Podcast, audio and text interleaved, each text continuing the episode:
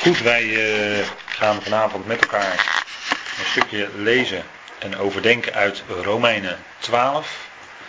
Het hoofdstuk is bijna rond en we hopen daar vanavond ook, dan ook mee rond te komen. De versen 17 tot en met 21 staan centraal. En we lezen eerst maar wat de apostel daar ons te zeggen heeft. En er staat in vers 17: Vergeld niemand kwaad met kwaad. Wees bedacht op wat goed is voor alle mensen. Leef zo mogelijk, voor zover het van u afhangt, in vrede met alle mensen. Wreekt u zelf niet, geliefden, maar laat ruimte voor de toren, want er staat geschreven: Mij komt de wraak toe, ik zal het vergelden, zegt de Heer. Als dan uw vijand honger heeft, geef hem te eten. Als hij dorst heeft, geef hem te drinken. Want door dat te doen zult u vurige kolen op zijn hoofd hopen. Word niet overwonnen door het kwade, maar overwin het kwade door het goede. Tot zover. 12 vers 17. Vergeld niemand kwaad met kwaad. En ik heb er een kleine aantekening bij gemaakt. In plaats van. Met staat eigenlijk in plaats van. Hè. Vergeld niemand kwaad in plaats van kwaad. Met andere woorden, ik geef jou een klap en nee, jij krijgt een klap en ik geef jou een klap terug. Dat is kwaad met kwaad vergelden. En het evangelie is wat anders. Hè? Het evangelie zegt, vergeld niemand kwaad met kwaad.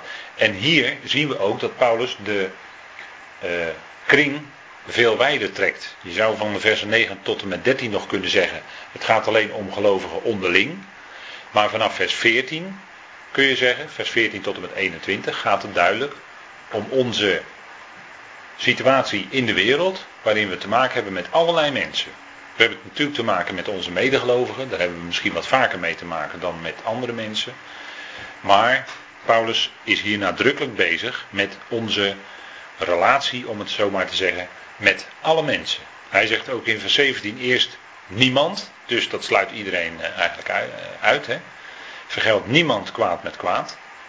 Dan in vers 18 spreekt hij over alle mensen. Dus we kunnen wel zien dat het dan gaat om alle mensen. Hè? En in vers. Um, vers 18. Ja, vers 18 zien we alle mensen staan. In vers 19 staat ook alle mensen. Dus we zien hier dat Paulus heel duidelijk de, uh, de rijkwijde van onze verhoudingen, van onze relaties uitstrekt naar alle mensen. Dus het gaat zeg maar breder dan de kring van alleen de medegelovigen. de, dus dan kunnen we, daar, is geen, daar kan eigenlijk geen misverstand over bestaan. De, je zou kunnen zeggen, ja, je moet goed omgaan met je medegelovigen. Nou ja, de rest erbuiten, dat, dat zal wel. Nee, zo kun je zo kun je, je dan niet. Uh, ja, het evangelie gaat ook uit naar alle mensen. Hè? Kijk, vergeld niemand kwaad met kwaad. Dat is hier uh, ja, twee keer uh, een vuist die doorkomt. Um, nou, dus dat betekent, iemand geeft jou een klap en dan zegt de Heer Jezus al, als iemand jou een klap op je wangen ge geeft, keer hem ook de andere toe. En dan heeft hij nog over linkerwang en rechterwang. Nou goed, daar gaan we dan even verder niet op in. Maar het is wel zo dat het evangelie bij ons een andere houding oproept dan wat in de wereld gangbaar is. In de wereld is gangbaar van, uh, uh, ja, je, je laat het niet op je zitten, je geeft lik op stuk, je geeft uh, hetzelfde terug wat die ander jou ook aandoet. En noem maar op. Nou, dat is dus, hè, zo is het niet vanuit het evangelie. En dan weten we natuurlijk wel dat andere mensen dat wel eens uit kunnen leggen als zwakheid. Van nou ja, die gelovigen hè, of die christenen, dat zijn maar een stelletje zwakkelingen. Hè, die komen niet op voor zichzelf. Of die laten maar over zich heen lopen. Of uh, wat, al dat soort uitdrukkingen. Hè, dat vindt dan, men dan maar zwak. Of het zijn net watjes, of uh, weet ik wat. Nou, dat is, uh, daar is Paulus dus mee bezig. Hè? Dus als jou kwaad wordt aangedaan, dat je dan niet kwaad terug doet. Dus uh, ja, dat is uh, een moeilijke. Dat, dat, dat, is voor ons als gelovigen. Want het druist eigenlijk tegen je mens zijn in. Hè? Kijk, als mens, als iemand jou iets aandoet, als mens van binnen, ben je misschien eerst wel boos. En dat is een hele logische reactie. Alleen je reactie die je naar buiten toe geeft, dat is nog wat anders. Daarin is denk ik Paulus ons aan het corrigeren hè, op dit moment. Hè, ons aan het wijzen van, oké, kijk, als je nou het evangelie kent, en dat evangelie is voor alle mensen, Gods mensvriendelijkheid, Gods mensenliefde is zichtbaar geworden toen de Heer Jezus op Golgotha stierf. Die stierf voor alle mensen. Hij stierf voor zijn eigen volk die hem het meest vijandig bejegende. Als, je, als kijkt hoe het, hoe het was toen hij aan het kruis hing. Toen nog bespotten ze hem, toen nog hoonden ze hem, toen nog gingen ze door met van alles en nog wat. En hij bad voor hen, vader vergeef het hun, want ze weten niet wat ze doen. En daar heeft Paulus het over, hè? niet kwaad met kwaad vergelden. Nee, hij bleef daar op dat moment voor in de ogen van de wereld de zwakke, maar misschien was er wel veel meer kracht voor nodig voor hem om aan het kruis te blijven, dan om bij wijze van spreken ervan af te komen. Maar dat wilde hij niet en daarom kon hij het ook niet. En daarom bleef hij ook aan het kruis en dat was ook precies de bedoeling.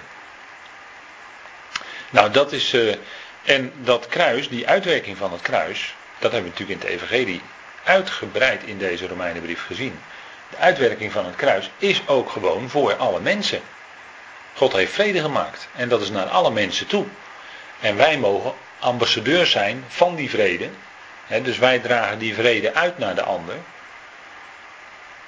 Daar, daar heeft Paulus het over, hè? voor zover het van u afhangt. Vrede met alle mensen. En dan kunnen we vast denk ik wel een uitzondering bedenken van ja, nee, maar die. Alle mensen, ja, ja, nee, maar die, nee. Nee, die niet. Want die is zo erg. Of die heeft mij zo erg behandeld of bejegend of vul maar in. Hè? Dat kan. Dat kan. En dat is moeilijk en dat is ook voor ons als, als mens is dat moeilijk. Maar ja, je bent gelovige en daarmee is dat evangelie in je hart gekomen. En het evangelie is Paulus nu bezig uit te werken. Wat heeft het voor uitwerking hè? in je hart en dan later ook naar buiten toe. Nou, daar willen we vanavond nog eens wat dieper op ingaan. Vergeld niemand kwaad met kwaad. Hè? Dit moet je wel zien in het licht van het evangelie. En kijk, door het evangelie, dat is heel belangrijk denk ik. Door het evangelie leer je kijken naar die ander zoals God kijkt. Je bent gewend misschien om met je eigen ogen te kijken als mens. En dan zie je bij andere mensen allerlei tekortkomingen en onhebbelijkheden. Maar je kunt ook met de ogen van God kijken, dat we zeggen, daar overheen kijken. En weten dat God die mens lief heeft, dat God die ander lief heeft, die hij op jouw weg brengt, die hij op jouw pad brengt. En die misschien heel onaardig en heel lelijk en weet ik wat allemaal doet.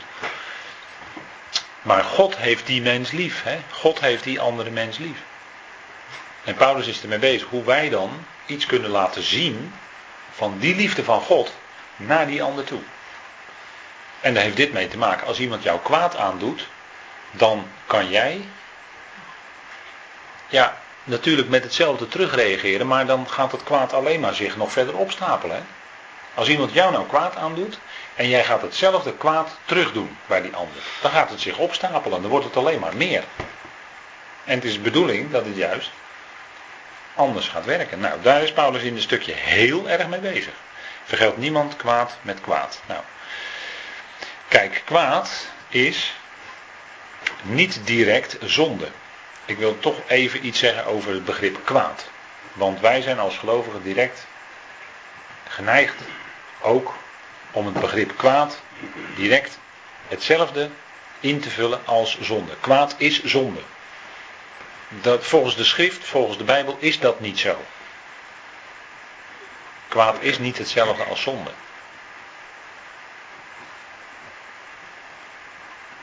En andersom, zonde is ook niet hetzelfde als kwaad. Kijk, er kan uit het zondigen wat iemand doet wel veel kwaad voortkomen. Dan maak ik het gelijk alweer wat moeilijker. Maar toch is het zo dat kwaad niet hetzelfde is als zonde. Want als ik u nou zeg dat de Zoon van God, onze Heer Jezus Christus, zelf kwaad doet, en dat kan ik aantonen vanuit de schrift, dan zullen we direct gaan erkennen, ja, maar dan is kwaad natuurlijk niet hetzelfde als zondigen, want de zoon van God zondigde niet. En straks, en dat gaat zelfs over hoe hij straks zal optreden, dus in zijn heerlijkheid. En ook dan zelfs, hè, dan zelfs doet hij kwaad. Nou, um, we gaan eerst maar even beginnen bij het begin. Dat is Genesis 41. En dat is voor jullie misschien wel een hele bekende geschiedenis van de droom van de farao. En er werd nog alles wat gedroomd hè, in de Bijbel. Nebukadnezar die droomde. En er was Daniel en die zette de, de, de wijsheid van de toenmalige wereld te kijk. En dan, daar zaten dus ook, er was niet alleen wijsheid, het was een bepaald type wijsheid. En dat had ook te maken met maag, ze werden ook magiërs genoemd. Hè? Maar goed, daar, daar gaan we nu niet te diep op in. Maar Farao droomde en zijn dromen konden door de toenmalige wijzen van Egypte, en daar zaten ook magiërs bij, kon niet uitgelegd worden. En ook die wijsheid werd in feite te kijk gezet door, niet door Daniel, maar door Jozef. Die droom kon verklaren. En het is eigenlijk dan eerst Egypte, de farao droomde, daarna Nebukadnezar, de heerser van Babel droomde. En in beide gevallen werd de wijsheid van de wereld te kijk gezet. Eerst door Jozef en toen door Daniel, achtereenvolgens. Nou, dus Deuteronomium 6, vers. Uh, sorry, Genesis zitten we nog. Hè? Genesis, uh, Genesis 41. Dat is de droom van uh, Farao.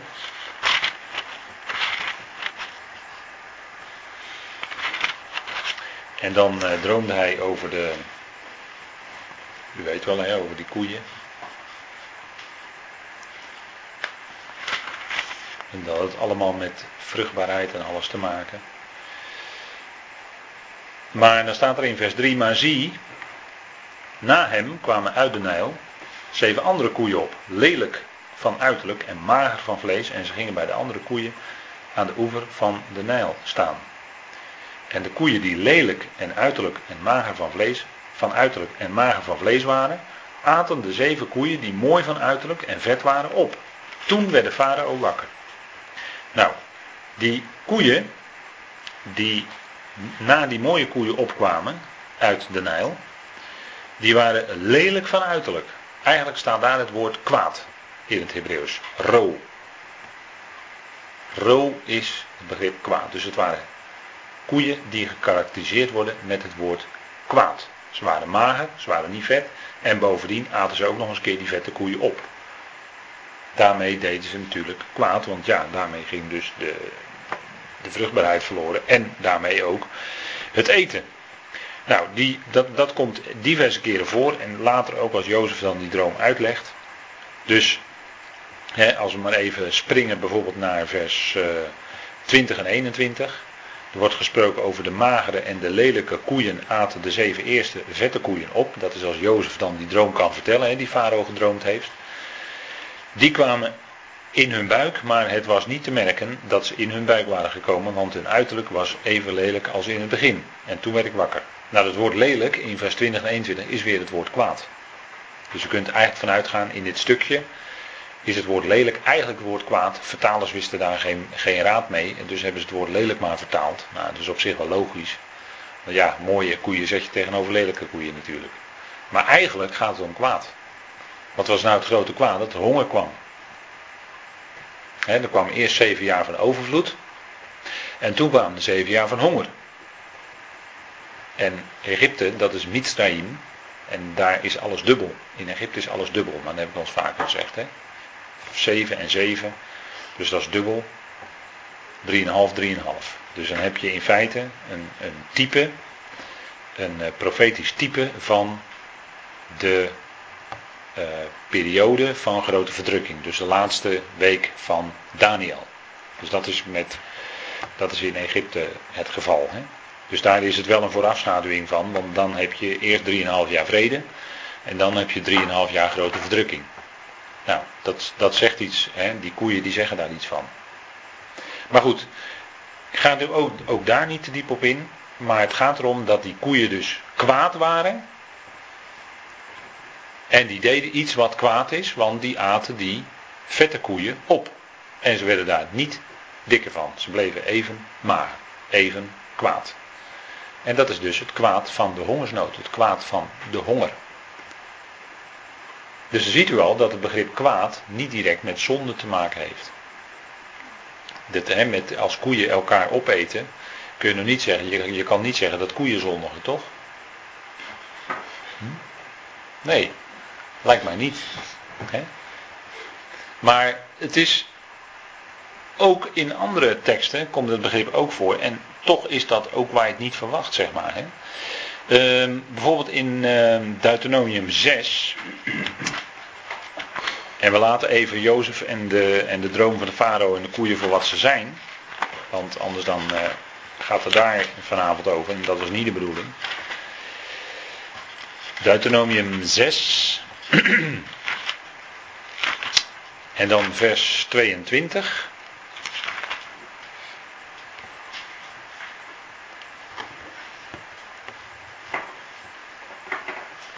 En we pakken alleen maar even weer dat vers eruit.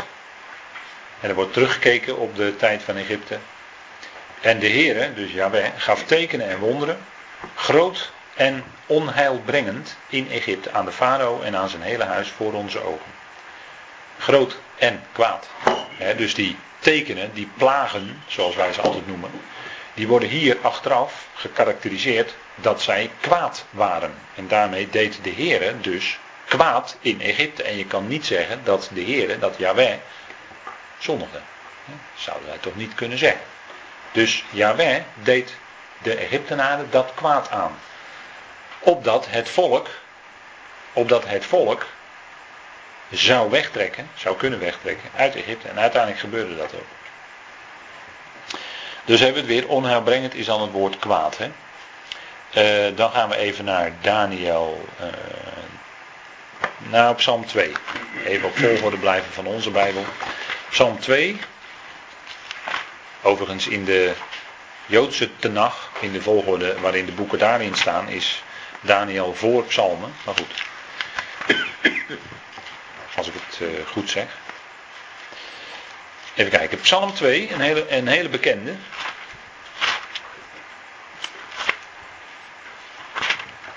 Psalm 2. Dat is een van de weinige schriftplaatsen waar ook letterlijk staat dat de Heer lacht.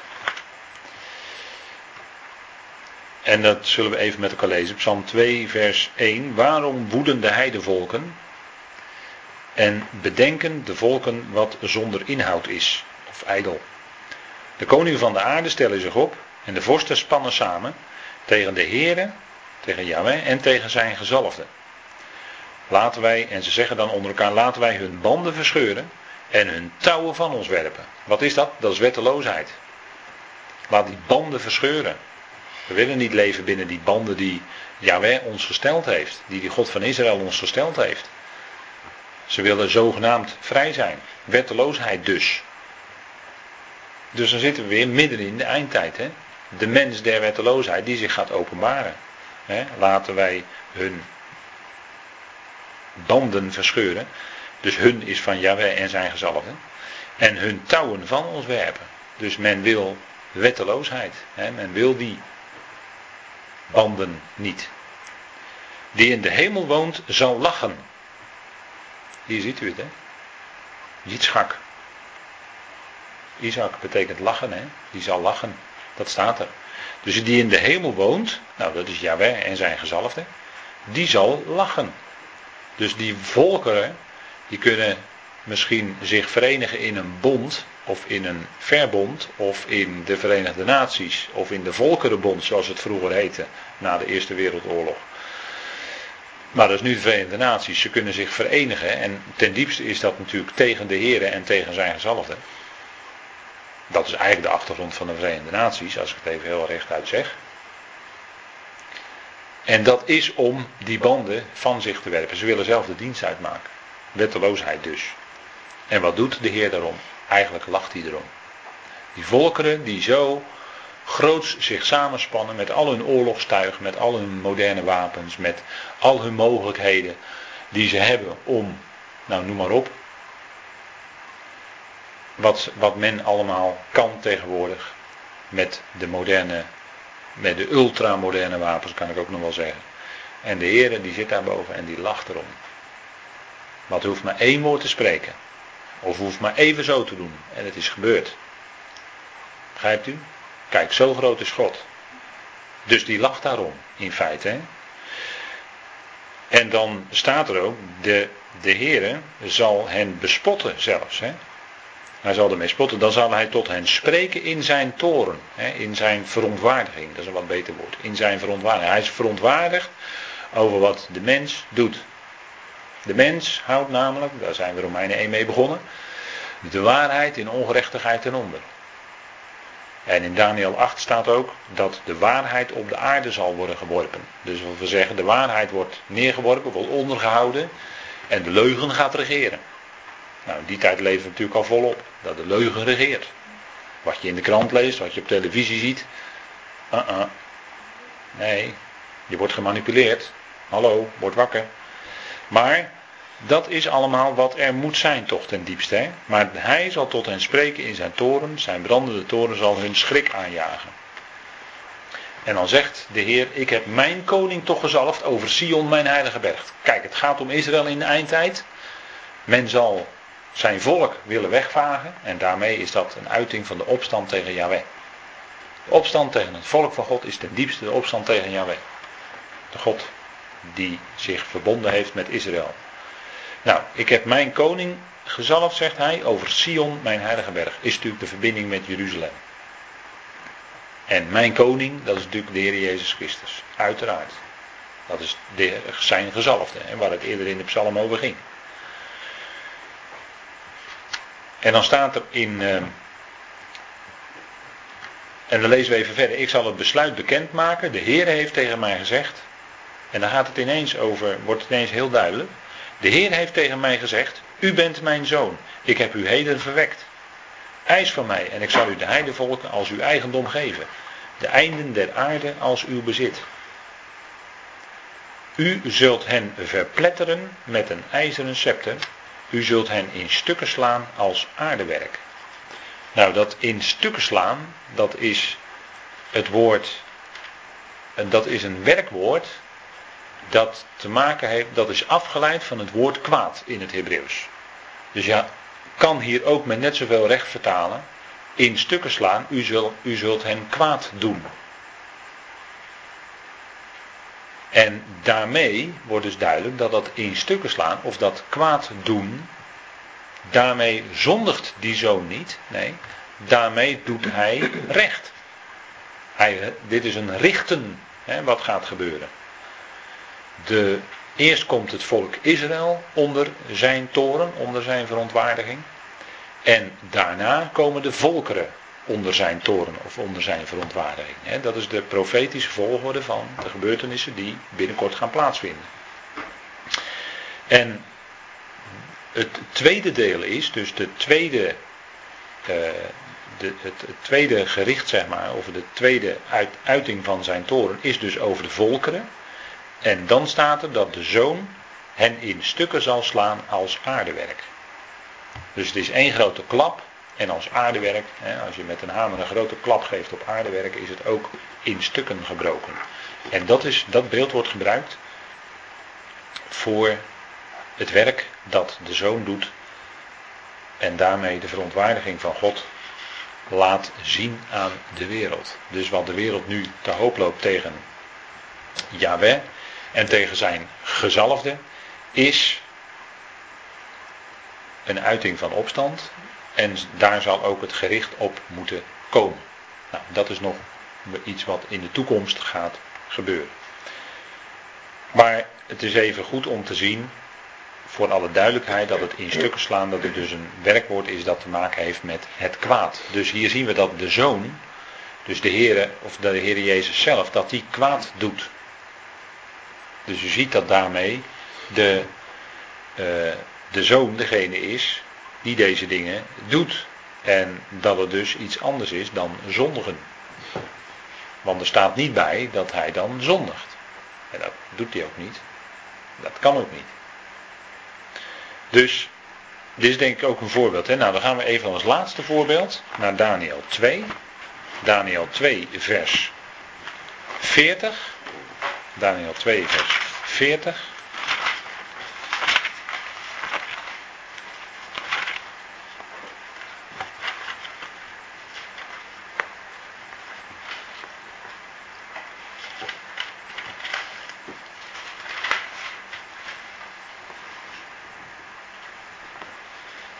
En dan komen we dus hetzelfde werkwoord tegen wat we net hebben gezien in Psalm 2, vers 9. En er staat, en het vierde koninkrijk zal sterk zijn als ijzer, want het ijzer verbrijzelt en vergruist alles. Juist zoals het ijzer alles verplettert, zo verbrijzelt en verplettert dit koninkrijk alles. Dus dit is, hier gaat het over het vierde antichristelijke wereldrijk hè, in Daniel 2. En dan wordt in het tweede gedeelte van het vers gezegd dat het ijzer zoals ijzer verplettert. En het woord verpletterd wordt twee keer gebruikt. Nou, dat woord verpletteren is eigenlijk in het Hebreeuws ook weer dat woord kwaad doen. Dus wat, wat van het Hebreeuwse woord ro, kwaad, kwaad doen is afgeleid. Dus dat is hetzelfde gedachte als we net hebben gezien in Psalm 2, vers 9 dat de zoon de volkeren uiteenslaat als aardewerk, dat hij hen in stukken slaat. Nou, het woord verpletteren is een wat ander Nederlands woord, maar goed, het is dezelfde strekking. En ook dat is hetzelfde woord in het Hebreeuws, dat dus met kwaad te maken heeft. Dus het zal kwaad doen, het zal veel kwaad aanrichten. Maar daarmee wordt nog niet gezegd dat het vierde wereldrijk zondigt. Dat doet het wel, maar dat wordt hier niet gezegd. Ze zijn in opstand tegen God natuurlijk. Het is een anti-christelijk wereldrijk. Met uiteindelijk de wetteloze aan de macht, hè, de politieke machthebber, de wetteloze. En die zal ook wel zondigen, want die zal zichzelf verheffen boven al wat God of voorwerp van verering. Dus die zal zichzelf als God laten aanbidden. En daarmee zondigt hij natuurlijk. Nou, dat vierde koninkrijk, dat, dat vierde antichristelijke wereldrijk, dat verplettert dus alles. Goed, dat is dus eh, even voor uw begripsvorming over het begrip kwaad. Dus het begrip kwaad in de Bijbel kun je niet gelijkstellen met zonde. Zonde is namelijk een ander begrip. Ook in het Hebreeuws heel duidelijk. Gata is het in het Hebreeuws. Gata, dat is het woord voor zonde. En uh, met, die, met, die, uh, tarwe, met die tarwekorrel, met die tarwekorrel, een tarwekorrel is gita in het Hebreeuws. Hè? Dus dat heeft heel veel met elkaar verbandschap. Gata en gita. Dat zijn in feite dezelfde Hebreeuwse letters met misschien alleen een klinker of een medeklinker. Nee, een klinker anders. Maar in feite liggen die begrippen op elkaar, want ze zijn opgebouwd uit dezelfde letters. En dan moet het absoluut met elkaar verband hebben. Goed, nou, dus het begrip kwaad is dus niet hetzelfde als zonde. Nou, dat vergelden, dat nou gaan we even terug naar Romeinen 12. Want dat vers begint met het woord vergelden. Daar hebben we het nog niet over gehad. Maar het woord vergelden betekent teruggeven of letterlijk vanaf geven. Als je het heel letterlijk vanuit het Grieks neemt, is het van je afgeven. Dus het, dus het is eigenlijk hetzelfde uh, terugdoen. Daar heeft het mee te maken. Dus vergelden, teruggeven, vanafgeven.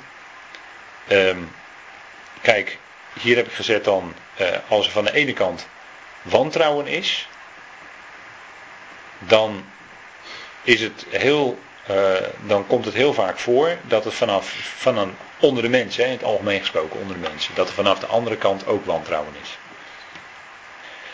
En het wordt wel eens eh, heel, het, het kan wel eens heel moeilijk worden als dit bij gelovigen onderling speelt. Dan kan het wel eens heel moeilijk worden. Voor jou als gelovige. Als je merkt dat je door een andere gelovige gewantrouwd wordt. En je kunt je daar eigenlijk niet tegen verdedigen. En je kunt dat wantrouwen op een of andere manier, merk je dan, niet wegnemen. Dat kan gebeuren. En dan is het gewoon heel moeilijk. Want dan, ja, dan is er toch uh, een, uh, op, op onterechte dingen gebaseerd. Want dat is wantrouwen heel vaak. Hè? Is er dan een stuk wantrouwen. En dat kan ongelooflijk ook plaatsvinden. En dat leidt dan al heel snel tot onderlinge verwijdering. Hè? Als, je, als, dat, als dat een vlek is, een olievlek is die groter wordt. En soms is dat heel lastig. En ja, voor de een die kan zich daar wat moeilijk tegen verweren. Want bij een ander is dan een bepaalde gedachte heeft zich gevormd. En dat is soms heel lastig om uh, die gedachte die er dan is. En die er, die er soms dan jarenlang kan zijn. om dat weg te nemen. En dan is het, is het, uh, ja, dan is het wel eens, uh, denk ik, onderling als gelovigen op eieren lopen, hè, om het zo maar te zeggen. Dan moet je heel voorzichtig manoeuvreren. Hè, dan moet je heel voorzichtig te werk gaan. En zelfs ondanks dat kan het toch aanhouden. Hè? En misschien wel voor een langere tijd, misschien zelfs wel jaren en jaren lang. Dat kan, dat kan gebeuren. En daar, uh, ja goed, daar, daar zijn in de loop van de geschiedenis natuurlijk wel voorbeelden van te noemen. Hè? En dat kan uh, zich op, uh, ja, door, door allerlei dingen kan dat gebeuren. Hè? Maar de genade, als dan de genade werkt. Uh, kijk, kan onder gelovigen kan ook snel iets ontstaan. En bij jezelf kan snel iets ontstaan van. ja, een stukje verwijdering en misschien zelfs wel verbittering. En wat kun je daar nu tegen doen? Hoe, hoe zit het dan met de genade? Hè? Hoe kun je nou denken, zeggen van ja, um, ja, die dingen die spelen. Of je merkt heel persoonlijk dat iemand anders jou wantrouwt op een of andere manier. Uh, ja, wat kun je daaraan aan doen? Het kan bij jezelf dan zelfs gaan leiden tot een stukje verbittering of verwijdering ten opzichte van die ander. Maar ik denk dat Paulus daar wel iets over zegt in Efeze 4. En misschien kunnen we dat even met opzoeken. Want dat heeft te maken met elkaar genade schenken. En genade schenken, dat is iets anders dan uh, kwaad met kwaad vergelden. Dat begrijpt u wel. Eigenlijk is het het tegenovergestelde. Paulus heeft het in Romeinen 12 over vergeld niemand kwaad met kwaad. En dat, dan kun je zeggen, ja, dat is, uh, dat is nog uh, enigszins negatief gesteld, zeg maar. In negatieve zin gesteld bedoel ik dan. Paulus bedoelt het uiteraard heel erg positief, maar het is dan in de negatieve zin gesteld. He, vergeldt niemand kwaad met kwaad. Maar wat is dan positief? Nou, het zegt Efeze 4. Uh, in vers 31. Laat alle bitterheid. Want dat kan er bij je van binnen dan ontstaan. Woede. Kan ook nog bij je van binnen zijn. Kan, hoeft de ander nog niks van te merken. Maar je kan van binnen koken van woede. Terwijl de ander er niks van merkt. Kan. Kan je als mens misschien nog aardig goed verborgen houden. Maar op den duur komt het toch naar buiten. Zegt Paulus hier ook. Hè? Laat alle bitterheid, woede, toren. En dan komt er al iets naar buiten, denk ik, verontwaardiging.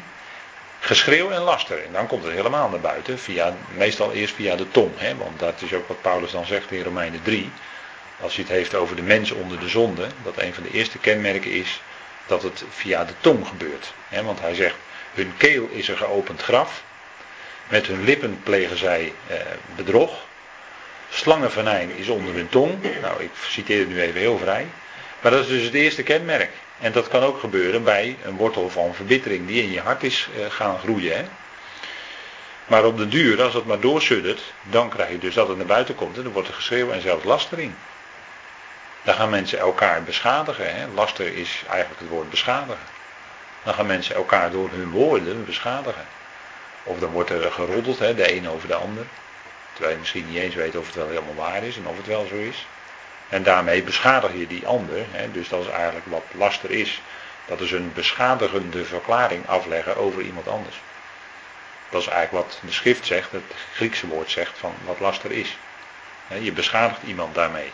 En dan komt dus jou daarmee, als je dat doet, komt er dan misschien wel een stukje bitterheid, wat misschien wel in jaren is gegroeid, en woede, komt dan naar buiten, in die lastering. Daar heeft Paulus het over. Hè? Dus een proces van binnen wat langzamerhand naar buiten komt. En dan zegt hij iets wat heel bijzonder is, denk ik. Want hij zegt, laat het van u weggenomen worden. Tezamen met alle slechtheid of boosheid. Laat het van u weggenomen worden. Kan je dat dan zelf doen? Kan je dan jezelf door een soort, vaat, door een soort vaatwasser of door een soort wasmachine halen waardoor het, uh, waardoor het schoongewassen wordt? Nee. Want dan zou je het nog zelf doen. Je stapt zelf die vaatwasser binnen en je denkt van nou, vaatwasser ga je gang. Hm? Nee, laat het van u weggenomen worden. Dat we zeggen, wie doet dat? Wie doet dat? Ja, dat ligt gewoon voor de hand, hè. Kijk, Paulus heeft in vers 30, hebben we dan niet gelezen, maar dan had hij het over de Heilige Geest. Laat de, laat je, laat de Heilige Geest, hè, laat je de Heilige Geest niet bedroeven.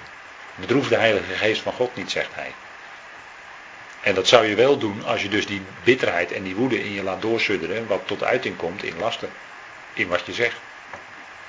Dan bedroef je de Heilige Geest. Nou, wie kan dus dan dat van je, hè? hij zegt dan laat het van hem afgenomen worden. Wie kan dat dus van je afnemen? Nou, heel duidelijk denk ik, God. door de Heilige Geest, hè? door de kracht van de Heilige Geest. Wat is daarvoor nodig? Nou, ik denk eh, gebed op zijn minst. Je kan er toch met God over spreken. Wat jouw gedachten zijn geworden in bitterheid over die ander. Dat kan toch? Dan kan je toch met God over spreken. En dan, misschien wel heel eenvoudig dat gebed. Heer, Heer, neemt u het van mij weg. Gewoon heel simpel. Laat het van u weggenomen worden. Nou, Heer, neem het van mij weg. Dat is dan toch een Bijbels gebed, denk ik. En dan is het niet de een op de andere dag misschien weg. Maar dan, gaat er, dan is er misschien wel een proces aan de gang in je, waardoor de dingen anders gaan worden, waardoor de dingen gaan veranderen, waardoor die genade in je hart gaat werken, in plaats van dat kwaad van die bitterheid en van die toren enzovoort, en van die woede. Hm? Dan gaat het evangelie in je hart werken, die genade, en daarmee kun je die ander dan genade schenken. Hoe? Nou, omdat je weet, hoe dan en waarom dan? Nou, omdat je weet dat God jou in Christus ook genade schenkt. Dat doet hij ook steeds. Dat doet hij ook elke dag. Je leeft in genade. Dus God schenkt jou elke dag genade. Dus hij laat genade voor recht gelden. In onze, hè, in onze situatie, voor ons persoonlijk. Leven in genade. Hij rekent ons de krenkingen niet aan. Dat is toch genade? Stel je voor dat hij het wel zou doen, dan zouden we hier niet zitten. U niet en ik ook niet. Hm? We zouden hier geen van allemaal zitten. Als hij het ons zou aanrekenen. Maar dat doet hij niet. Hij schenkt ons namelijk genade. Nou, en als we dat naar elkaar toe, hè, dan op die manier naar elkaar toe. Dus laat het van u weggenomen worden, laat het van u afgenomen worden. Tezamen met alle boosheid of slechtheid. Nou, dat is een stukje geestelijke strijd ook. Een stukje geestelijke strijd. Dus wantrouwen, wantrouwen tegenover elkaar, dan krijg je een bliksemflits. En dan krijg je beleden, dat, ze, dat gelovigen elkaar gaan beledigen en dat soort akelige dingen. Nou, dat is dan eigenlijk bij gelovigen, hè, als zij daarmee biddend naar het Heer gaan, dan gaat dat anders zich uitwerken. Dus verhelpt niemand kwaad met kwaad. Dus geef niet datzelfde terug aan die ander wat die ander jou aandoet. als je nou, ja, maar als je nou onrecht wordt aangedaan door een andere gelovige. Of door je buurman die niet gelooft. Kan ook. En die kan je onrecht aandoen. Wat doe je dan? Ja, kan je de verschillende dingen doen natuurlijk. Je kan bij die buurman naar binnen lopen en een flinke tik verkopen. Maar dat gaat niet helemaal werken. En je kan ook die buurman voor de rechter slepen, dat gebeurt ook. Maar ik denk dat het ook niet, niet helemaal gaat werken. Misschien denk je wel, ja, dat, dat werkt wel. Nou, ja, goed. Maar dat werkt dan helemaal de andere kant op natuurlijk. Hè? En wat, wat Paulus in feite zegt, en ook onderlinge, maar dan wordt het moeilijker. Dan wordt het moeilijker. Dan gaat de ene gelovige, die doet de andere gelovige onrecht aan. Dus juist waarvan je het niet verwacht, gelovigen onderling, doen elkaar onrecht aan. Wat dan? Ja, dan geldt ook genade. Dat doet meer pijn als de buurman, denk ik. Ja, natuurlijk doet het meer pijn, omdat je het niet verwacht van de medegelovigen. Dus dan doet het meer pijn inderdaad, absoluut. Zeker weten. Maar, Paulus die roept die Corinthiërs wel erbij en dan zegt hij tegen de Corinthiërs, waarom leiden jullie niet liever onrecht? Waarom laten jullie je niet liever tekort doen? Wat denkt u van de Heer Jezus? Wat voor een onrecht hem is aangedaan? Zonder zonde, zonder verkeerde dingen te hebben gedaan en dan gekruisigd worden, notabene door je eigen volk. Wat denkt u daarvan? Hij kwam tot het zijn en de zijnen hebben hem niet aangenomen. Ze hebben hem gekruisigd. Nou, wat denkt u daarvan? En die Romeinen, die hebben, die, die hebben hem echt daadwerkelijk aan het kruis geslagen. Hem werd vreselijk onrecht aangedaan. Maar reageer, hoe reageerde hij erop? Nou, door de wil van de Vader te doen. En de wil van de Vader was dat hij aan het kruis bleef. En al die spot en die hoon en die vernedering en noem alles maar op onderging. Dat is de boodschap van het kruis. Waarom laten jullie niet liever onrecht doen? He? Waarom leiden jullie niet liever onrecht, zegt Paulus tegen de Corinthiërs. Dat is de werking van het kruis. En nou, die Corinthiërs het verschrikkelijk moeilijk mee, want die gaven kennelijk elkaar wel He? Want daar waren partijschappen, daar waren groepen, daar waren partijen die tegen elkaar ingingen. En denk, denk erom dat er dan ook wel beledigingen bij geweest zullen zijn. Dat kan ik me wel zo voorstellen. Onderling, hè. Er waren groepen. En daarom zegt Paulus, daarom zegt Paulus juist tegen de Corinthiërs, ik heb niet besloten iets te weten onder jullie dan Jezus Christus en die gekruisigd. En kon eigenlijk op dat moment niet echt veel verder gaan met die Corinthiërs. Dat is niet de enige van de boodschap, want de boodschap is ook dat hij is opgewekt uit de dood. Dat is ook de boodschap. Dat is ook evangelie. Dat is juist het evangelie. Maar tegen de Corinthiërs moest hij eerst beginnen met het woord van het kruis. En het woord van het kruis is dit. Waarom laat u het niet, waarom leid je niet liever onrecht? He? Als anderen ook, he, ongelovig niet alleen, maar ook medegelovigen, als die over je heen lopen. Ja, maar ik laat niet over me heen lopen en dit en dat. En ik kom voor mezelf op. En zo gaat het hè, in de wereld. Dan moet je zo reageren. Maar nee, het evangelie is toch anders. Evangelie, daarin predikt Paulus het kruis. En daar heeft hij ook over gesproken in Romeinen 6. En het kruis maakt dus een einde aan het oude. En dat betekent dat we dood zijn. Dood zijn voor de zonde, maar levend voor God. Dat betekent als een ander jou een klap geeft, ja, je bent dood, dus ja. Hm? Ja, nee. Iemand die letterlijk dood is in het dagelijks leven, dan kan je, dan kan je een grote schop tegen aangeven, maar die zal niet terugreageren. Maar als je als gelovige, hoewel je leeft, natuurlijk, maar als daar tegenaan geduwd wordt en als daar tegenaan geschopt wordt. En dan niet terugreageren, ja, dat is heel wat anders nog. En dan dat laten gaan, zeg maar. Ik zeg niet dat het makkelijk is. Dat is het ook niet. Maar je hebt wel een geweldig middel. Namelijk, je kunt altijd met hem, met de hoofdletter, kun je alles bespreken. En hij kent je hart, hij kent je verdriet en hij kent het onrecht wat je is aangedaan. En hoewel je zelf recht was, en die ander was onterecht bezig. Ja, maar dat weet de Heer ook. Dat weet de Heer ook. En dat is de lijn die Paulus hier neerlegt. Hè? Kijk, hij zegt wees bedacht op wat goed is, of hij zegt zelfs wat ideaal of uitstekend is voor alle mensen. Wees bedacht op. Dat is eigenlijk letterlijk tevoren bedenken. Dus je bedenkt je tevoren iets.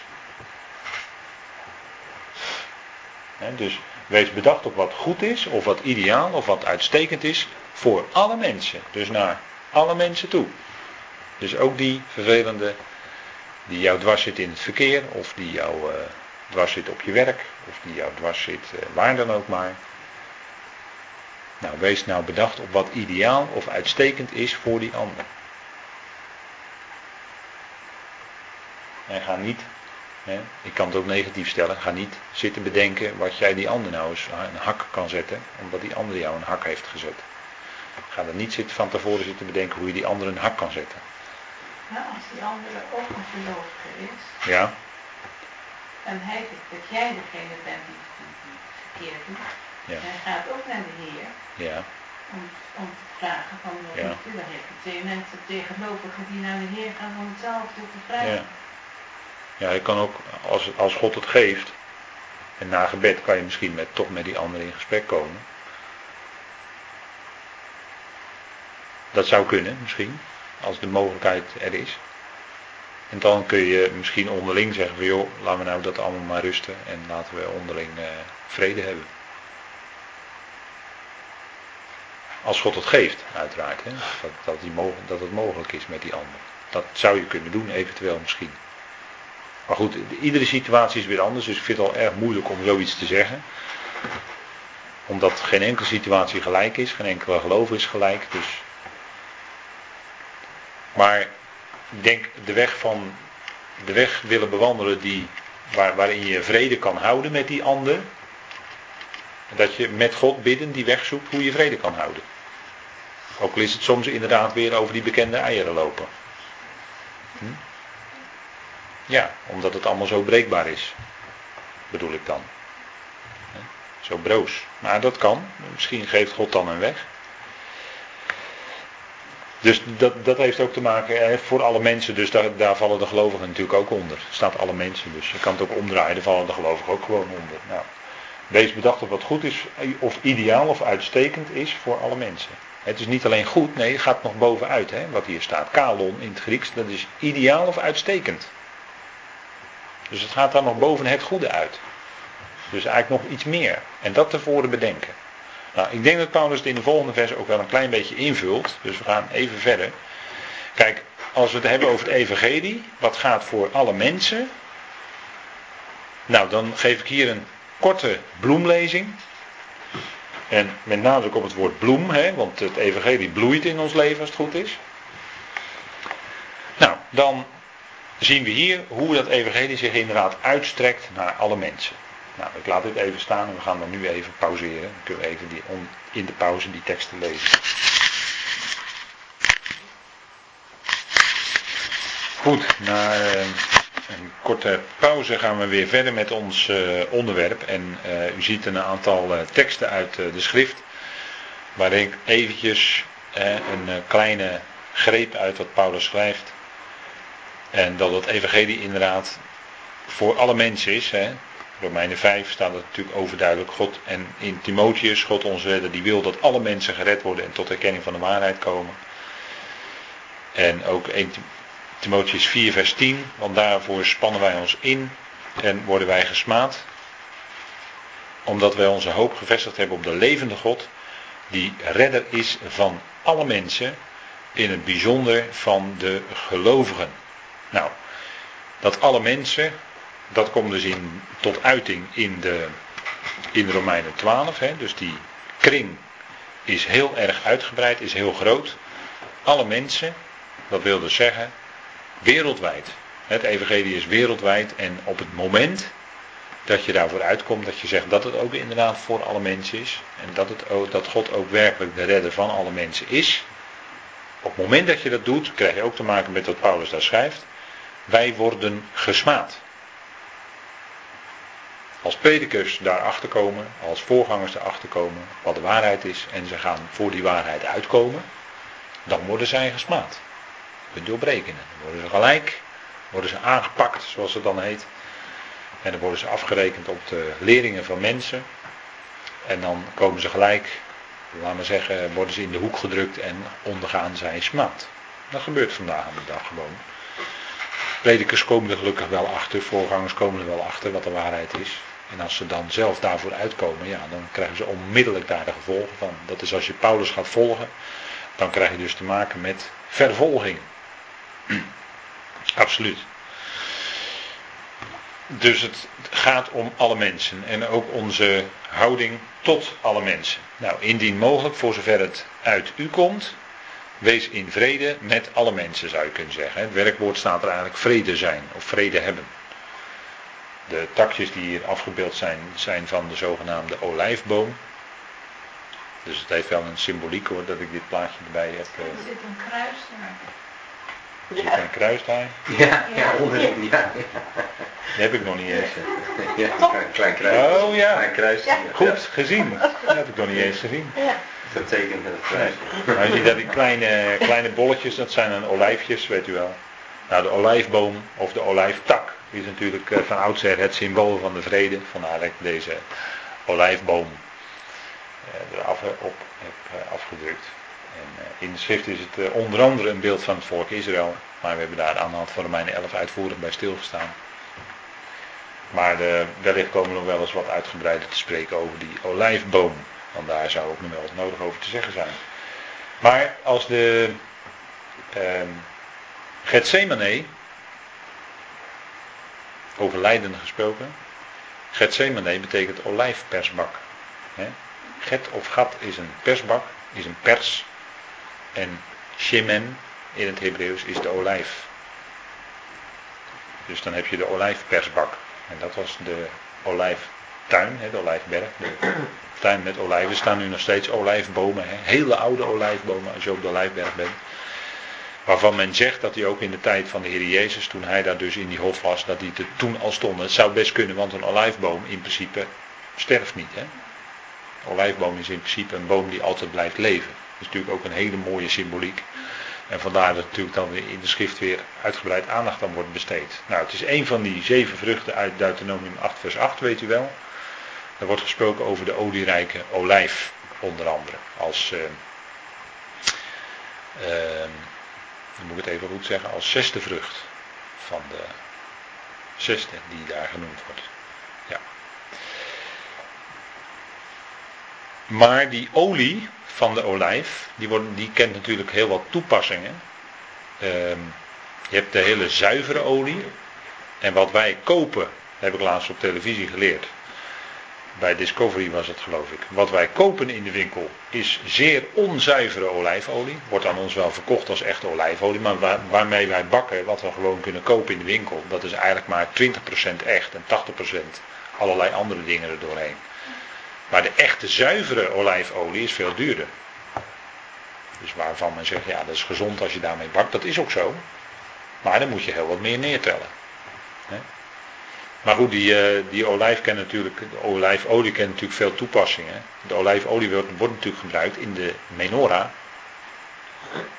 En die zal ook weer gebruikt gaan worden in die prachtige menorah die nu staat in de straten van Jeruzalem.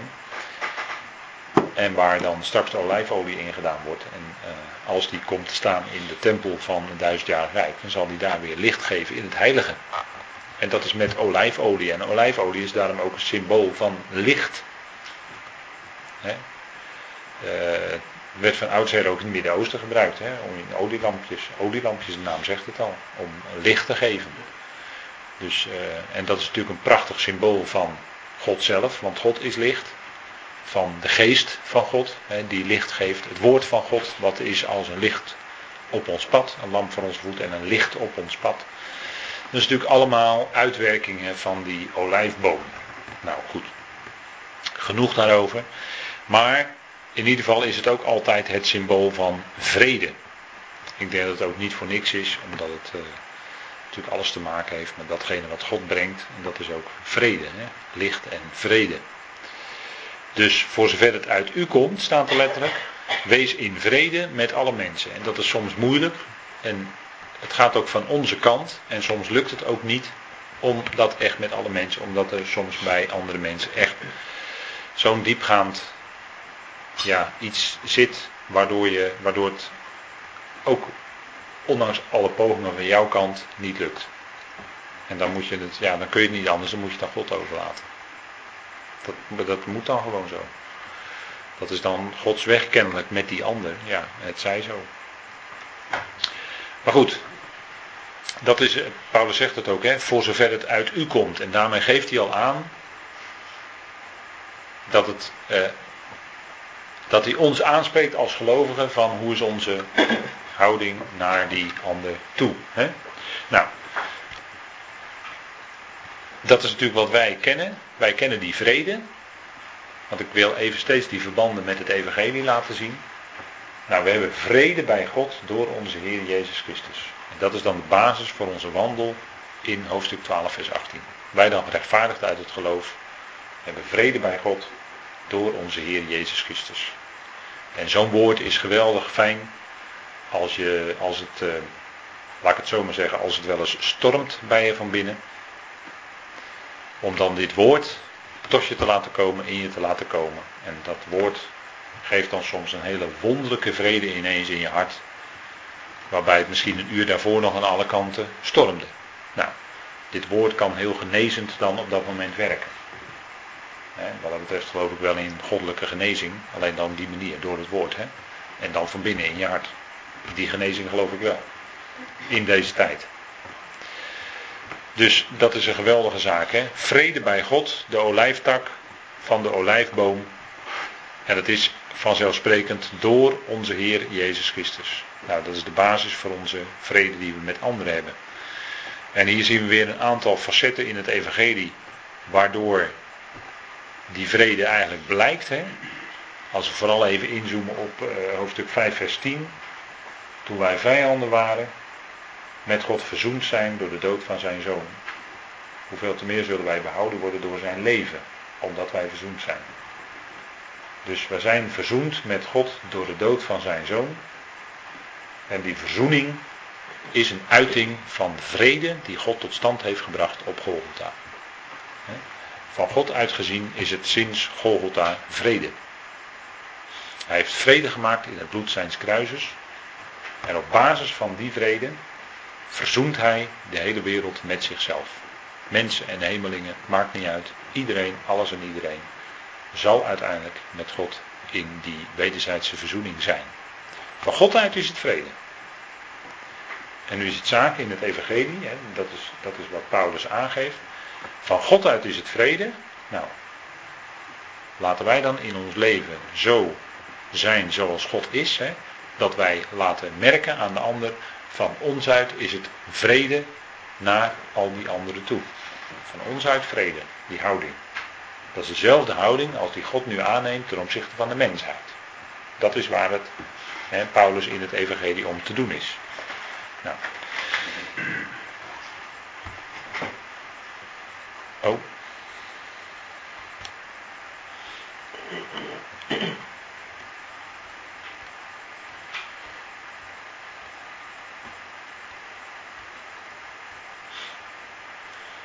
Kijk, hier is zo'n voorbeeld, zo'n ander voorbeeld, zo'n soort paralleltekst zou je kunnen zeggen, uit Filippenzen.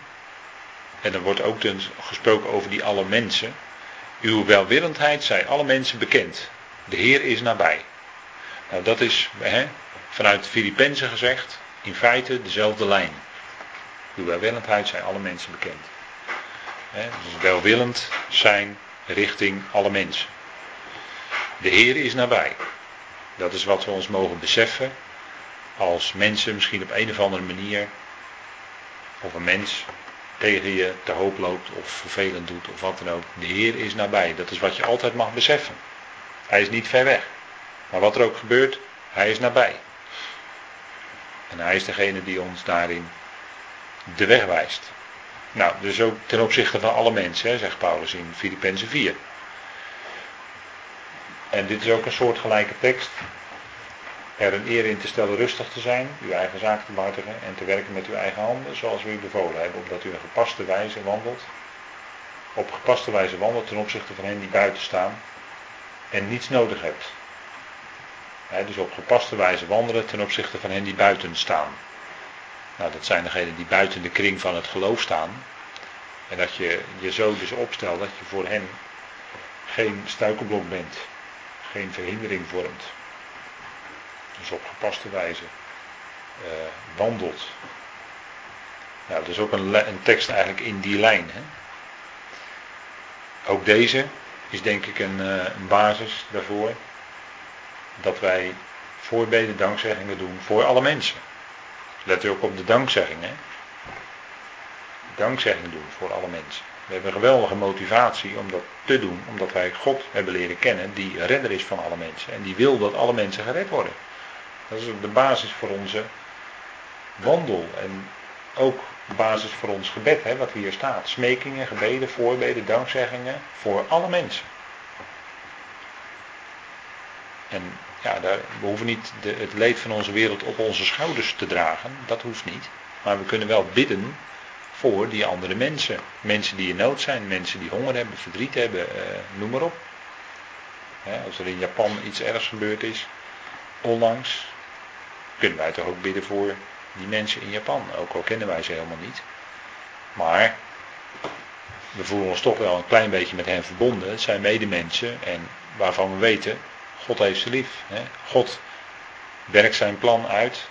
En dat is voor die mensen op dit moment heel moeilijk. En dat is het steeds voor mensen. Nou, dat is wat wij doen. Hè? Voor alle mensen onze smekingen, gebeden, voorbeden, dankzegging. Dus weer die kring naar alle mensen. Nou, dit is weer in verlengde ligt dit eigenlijk van vergeld niemand kwaad met kwaad. Wreekt u zelf niet, geliefden, maar laat ruimte voor de toren. Want er staat geschreven, mij komt de wraak toe. Ik zal het vergelden, zegt de Heer. En je kunt het ook nog zo lezen met het, met het laatste stukje van het vorige gedeelte erbij. Zij die in vrede zijn met alle mensen, wreken zich niet, geliefden.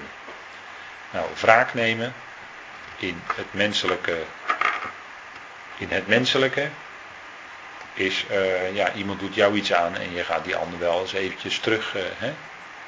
wraak. Dat is wat, uh, maar als het gaat om vrede, ja, dan is die ander die jou wel iets aandoet, maar die vrede van God, die in je hart is, die wil je ook naar die ander hè, in een houding tot uiting laten komen. En dan wreek je jezelf niet, maar je laat plaats voor zijn toren, voor Gods toren. Die komt wel, Gods verontwaardiging. Dat gaat wel zichtbaar worden, maar dat gebeurt op zijn tijd. En hoe God dat dan in het leven van die ander uitwerkt, gebeurt ook op zijn tijd. En wij kunnen menen dat wij iets moeten rechtzetten of dat wij wraak. Nee, zo werkt het in mensen onderling, waarbij geen geloof aanwezig is. Maar wij laten daar ruimte. Hè? Wij houden ons terug van wraak willen nemen. Integendeel. En daarmee laten we automatisch dan de ruimte aan hem die alles weet. Dat is ook nog belangrijk. Hè? Wij kijken vaak toch maar tegen de buitenkant van iemand aan. Maar hem die alles weet, hij die alles weet, die zal ook op de gepaste wijze later hè, daar, laten we zeggen, op terugkomen. Hè? Wraak, is dat in ons woordenboek als gelovigen? Nou, eigenlijk schrapt Paulus het hier uit ons woordenboek. Dus zij wreken zich niet, en dan zegt hij erbij, geliefden. Dus hij zegt het tegen al die medegelovigen. En dat is ook, laat hij ook even iets merken van die agape, van die liefde van God. Dat zit in het woord natuurlijk. En dat is wat, uh, wat natuurlijk de boventoon uh, voert. Die liefde van God, die vrede. En dat is een citaat uit Deuteronomium zelfs. Wat Paulus hier aanhaalt. Vreekt u zelf niet geliefde, maar laat ruimte voor de verontwaardiging. Wij vertalen vaak het woord toren. Maar als je wat verder kijkt, dan is het eigenlijk ja, toren. Moeilijk, toch een moeilijk begrip, verontwaardiging. Want er staat geschreven, mij komt de vraag toe, ik zal het vergelden, zegt de Heer. En dat is wat uh, Paulus daarin tegen ons uh, aangeeft. Dat de Heer het zal vergelden. En dat hij op het juiste moment, en Deuteronomium die gaat er dan naartoe dat het is in de tijd, tussen deze tijd zeg maar, en de komende tijd.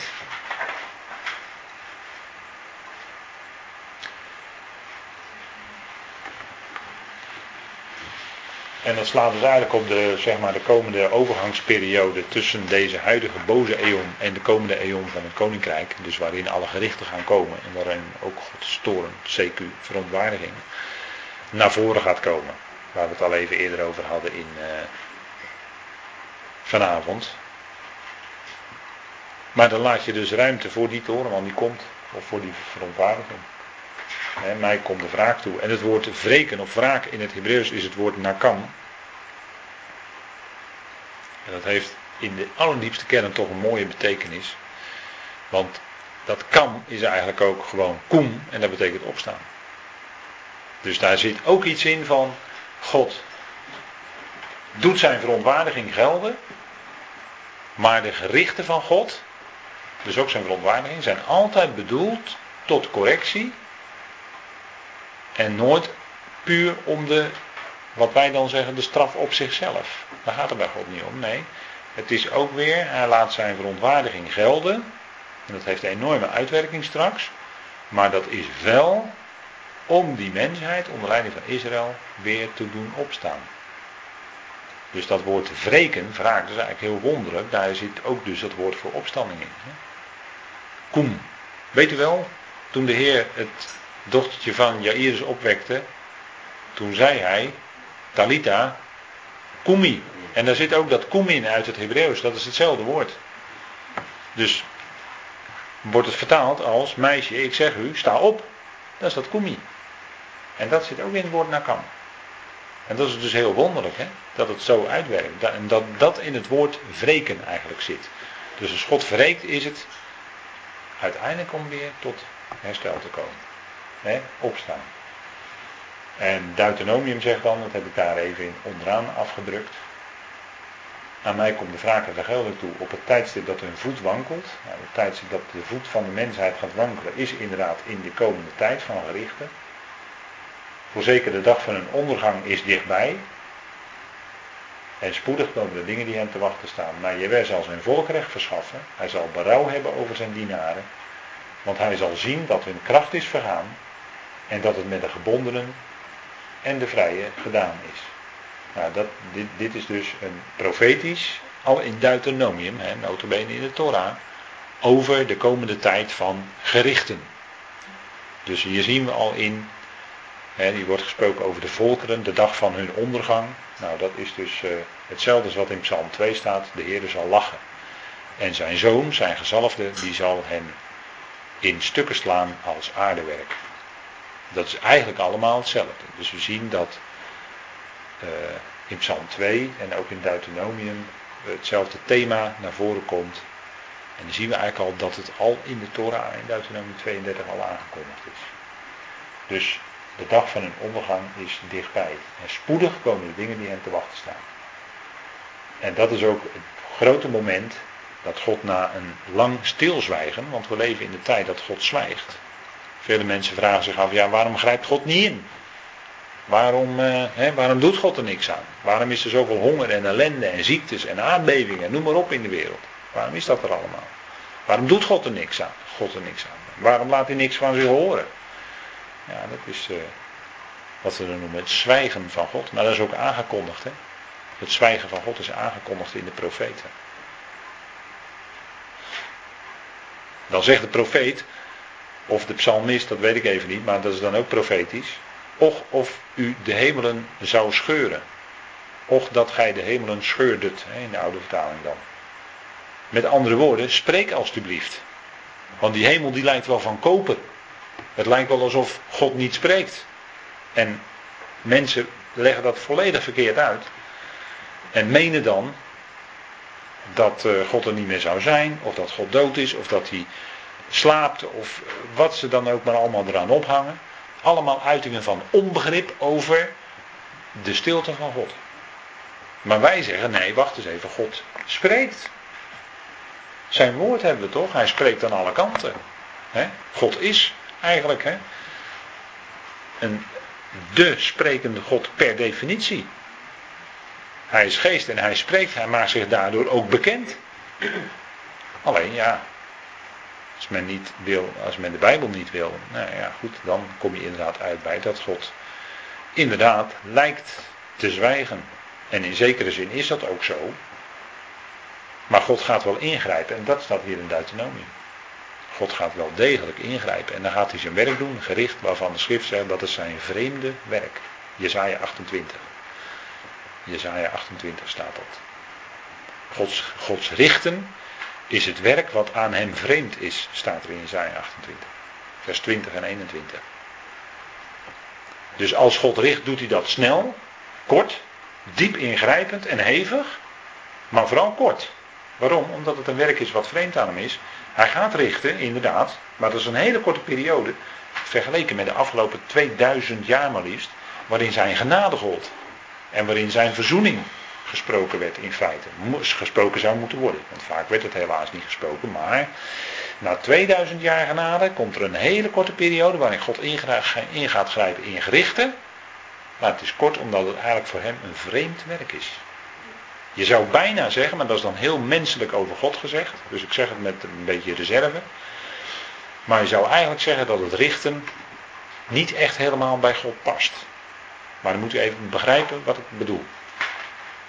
Want er moet wel recht gedaan worden. En God is ook rechtvaardig. Jazeker, God is ook rechtvaardig. Zeer zeker. Absoluut. Hij is een God van gerechtigheid. Maar gerechtigheid vanuit het Hebreeuws is eigenlijk dat ieder krijgt wat hem toekomt. En bij God is dat uiteindelijk genade. Uiteindelijk is het genade. Dat ieder krijgt wat hem toekomt, is uiteindelijk genade. Want ieder zal uiteindelijk genade ontvangen van God. En dat is eigenlijk het Hebreeuwse begrip gerechtigheid. Dat iedereen krijgt wat op toekomt. Iedereen krijgt van God wat hij tekort komt. En kom je alles tekort? Ja, we komen alles tekort. Nou, dan krijgen we alles. Dat is gerechtigheid, volgens het Hebreeuwse begrip. Het heeft ook te maken met recht doen. Heeft ook te maken met het recht voortbrengen. Dus de dingen recht zetten. En dat moet ook gebeuren. Want alles is tegenwoordig vandaag de dag zo krom als een hoepel. Maar er moet weer rechtgezet worden.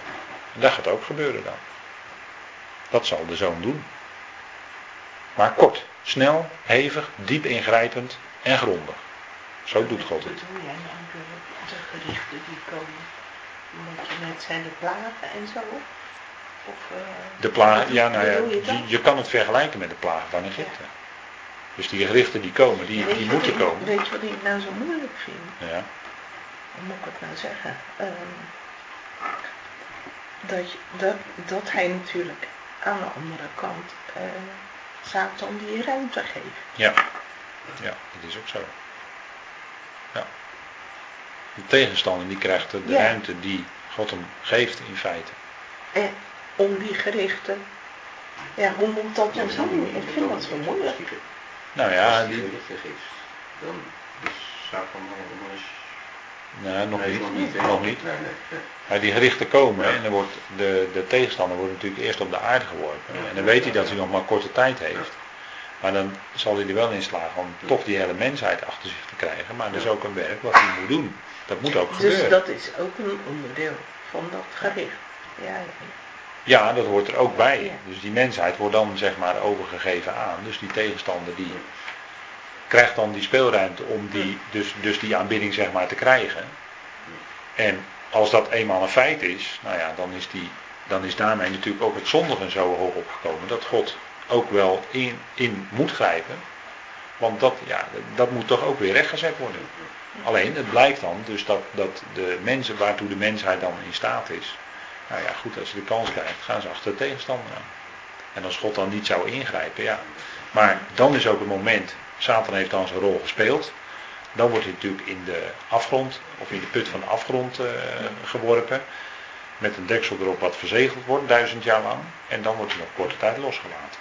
Ja, dat is dan weer om ook dingen te laten zien. En dat past ook allemaal in Gods plan. Dus aan de ene kant krijgt de tegenstander dan de ruimte en de macht om bepaalde dingen te doen. Ook bepaalde dingen te bewerken bij de mensen. En aan de andere kant zijn er ook de aangekondigde gerichten van God die dan ook echt moeten komen. Dus dat, dat, dat, is, ja, dat is zoals God dan zijn plan uitwerkt. En waarin uiteindelijk natuurlijk duidelijk wordt voor iedereen wie God is. Want daar gaat het uiteindelijk om.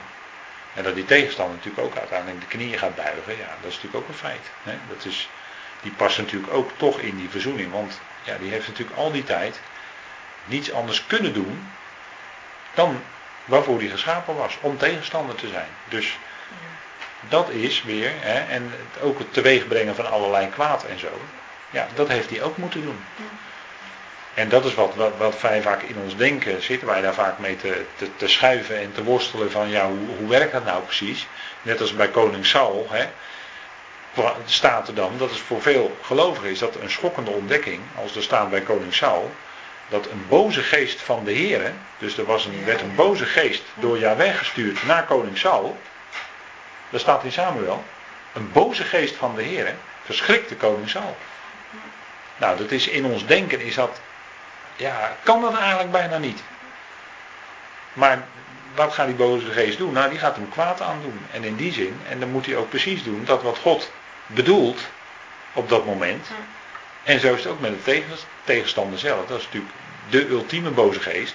Maar die moet ook datgene doen waarvoor hij geschapen is. Ja, en dat is dan het heel wonderlijke. Dat God eigenlijk alle touwtjes in handen heeft. Laten we zeggen, zoals wij dan zeggen, aan de negatieve kant. En aan de positieve kant. Maar uiteindelijk ten diepste, door die instrumenten heen, bewerkt hij alles. Zo groot is God. Ja, dan kunnen wij ons maar moeilijk voorstellen dat het zo hè, op die manier. Eh, dat God het zo uitwerkt. Maar ja, zo is het natuurlijk wel. Dat hij al die dingen in zijn hand heeft. En dat hij echt de schepper van het kwaad ook is. Zoals het in Jezaja staat. Jezaja 45 vers 8. Hij is de schepper van het kwaad. Jawel. Staat erbij. Ja, daar kun je niet omheen. Dat is gewoon een schriftwoord dat, uh, dus dit, maar dit is, wat, dit is natuurlijk de, de culminatie van uh, de wetteloosheid, van, ook van de wetteloze. En die, uh, die antichrist en valse profeten staan natuurlijk helemaal onder beslag van de tegenstander in die eindtijd. En die krijgen dan die hele mensheid zo in opstand tegen God. Maar dat is ook, ja, dat is ten diepste toch wat God zo doet gebeuren in zijn plan. Via die Via dat instrumentarium, zeg maar. Maar dat is dan helemaal vanuit God gezien. En wat je net zei, van uh, hij heeft het kwaad geschapen. Ja. Daar moest ik ook aan denken, in het eerste deel van vanavond, toen je dat zo zei. Ja. Dat is niet uh, de zonde. Nee. Maar, nee. maar, dan zit ik weer te denken, ja. en maar heeft hij toch ook de zonde geschapen? Of ben ik dan helemaal verkeerd nee. aan het denken? Nou ja, dat staat er niet. Het staat er niet. Nee, het staat er niet dat hij zonde heeft die geschapen. komt toch ergens ook uit voort. Ja, nou ja, God heeft, God heeft, de, God heeft de tegenstander zeg maar zo geschapen. Met, met een bepaalde, laten we zeggen, met een bepaalde aard. Met een bepaald wezen. Dat hij eigenlijk niets anders kan dan zondigen ook. Want dat staat ook van hem geschreven. Hè, dat die, die, die Ja. tegenstander, of hij is een mensenmoorder van het beginnen. En hij zondigde ook eh, vanaf het begin en staat niet in de waarheid. Dus God heeft hem al zodanig geschapen dat hij leugens moet eh, voortbrengen en leugens bewerken. En, maar dat is wat hij dan in die tegenstander als het ware gelegd heeft. Dat de tegenstander dat zo doet. Maar daarmee, daarmee kun je niet zeggen dat God, want als je zou zeggen dat God dan de zonde geschapen heeft, zou je God tot de zondaar maken. En dat maar- kan maar natuurlijk niet. En dat staat er ook niet. Ja. waar, hoe komt die zonde dan? Ja. Want Maar het dat, is dan die tegenstander, Ja. maar het zit Ja. natuurlijk ook in de mens. Ja, nou, dat is omdat de mens natuurlijk ook. Hè, de mens was eh, wel zodanig geschapen door God. Dat het eigenlijk niet anders kon dan dat het zo ging. God schiep de mens gewoon als mens zijnde. En dus eigenlijk ook, laten we zeggen, zo, zodanig geaard dat hij, als hij dan door die slang misleid zou worden, dat hij ook dat zou, daadwerkelijk zou doen. En, en het moest ook gebeuren, want ja, God had natuurlijk ook die. Dus natuurlijk, eh, ja, sommige mensen zeggen ja, nog even filosoferen. Maar God had natuurlijk ook die boom van kennis van goed en kwaad niet daar neer kunnen zetten. Ja. Maar die stond in het midden, die stond in het midden van de hof. Ja. Daar, daar, daar kwam, eh, laten we zeggen, bij wijze van spreken nog de meeste aandacht. eh, hè. Met de boom des levens. Ja, nou ja, goed, die dingen hangen allemaal met elkaar samen. En dan komt er een slang en die weet die mens te misleiden. En die mens die, eh, die is dan zo gemaakt dat hij, als, als dan die aandacht op die boom van kennis gericht wordt, dan gaat hij er ook van eten. Zo zit de mens in elkaar. En God wist dat natuurlijk precies. En daarom kon ook later God dan door zijn zoon, die ook mens moest worden, bekendmaken wie die zelf is. Juist tegen die achtergrond van. En dat is dan weer het wonderlijke. Dat je eigenlijk, ja, dan kom je weer met die tegenstellingen. Zonder het kwade weet je ook niet wat goed is. Zonder licht weet je ook niet. En zonder duisternis weet je ook niet wat licht is. Zonder haat weet je ook niet wat liefde is. Nou, zo al die begrippen kun je invullen. Dat heeft allemaal met elkaar te maken. Dus zeg maar de, de, de, de, de, de negatieve kant, zeg maar, zoals wij dat dan zeggen, van kwaad. En van zonde en van duisternis. En heb je daarnaast daartegenover God. En uiteindelijk gaat al datgene wat, God is, dat gaat het natuurlijk worden. En straks is er helemaal geen kwaad meer en helemaal geen zonde meer. En dat is allemaal dan weggedaan. Maar juist vanwege die tegenstellingen leren wij wel God kennen, wie God is. En zo moest het zijn. Dat is, ja, dat is de enige verklaring. Anders heb je geen verklaring natuurlijk voor die dingen. Maar kwaad en zonde, nogmaals, dat moet je dus goed uit elkaar houden. En wij denken al heel snel van kwaad is hetzelfde als zonde en andersom. Nou kijk, andersom gaat het soms wel eens gelijk op. Inderdaad, als er wordt gezondigd, wordt er ook kwaad gedaan. Maar in de schrift is het zo, die begrippen kun je niet zeggen dat is hetzelfde. Want kwaad is een, ja, zeg maar bij wijze van spreken een harde slag die wordt toegebracht. Die wel grote gevolgen heeft. En soms hele langdurige gevolgen. Maar die uiteindelijk toch leidt tot de erkenning van het goede. En tot de erkenning wie God is. Dus dat is toch de, ja, dat zo, zo zit Gods plan eigenlijk in elkaar helemaal. Ja. Althans, eh, heel, heel beknopt gezegd. En daarom ja, moet toch, omdat nu alles tot een hoogtepunt komt, en ook dat moet nu zo zijn, moet God dan toch in gaan grijpen. En moet hij toch de dingen rechtzetten die allemaal scheef en krom gegroeid zijn. Dus ja, daarom, eh, daarom komt het gericht. Maar goed, we gaan, uh, we gaan stoppen. Dan is het weer de hoogste tijd.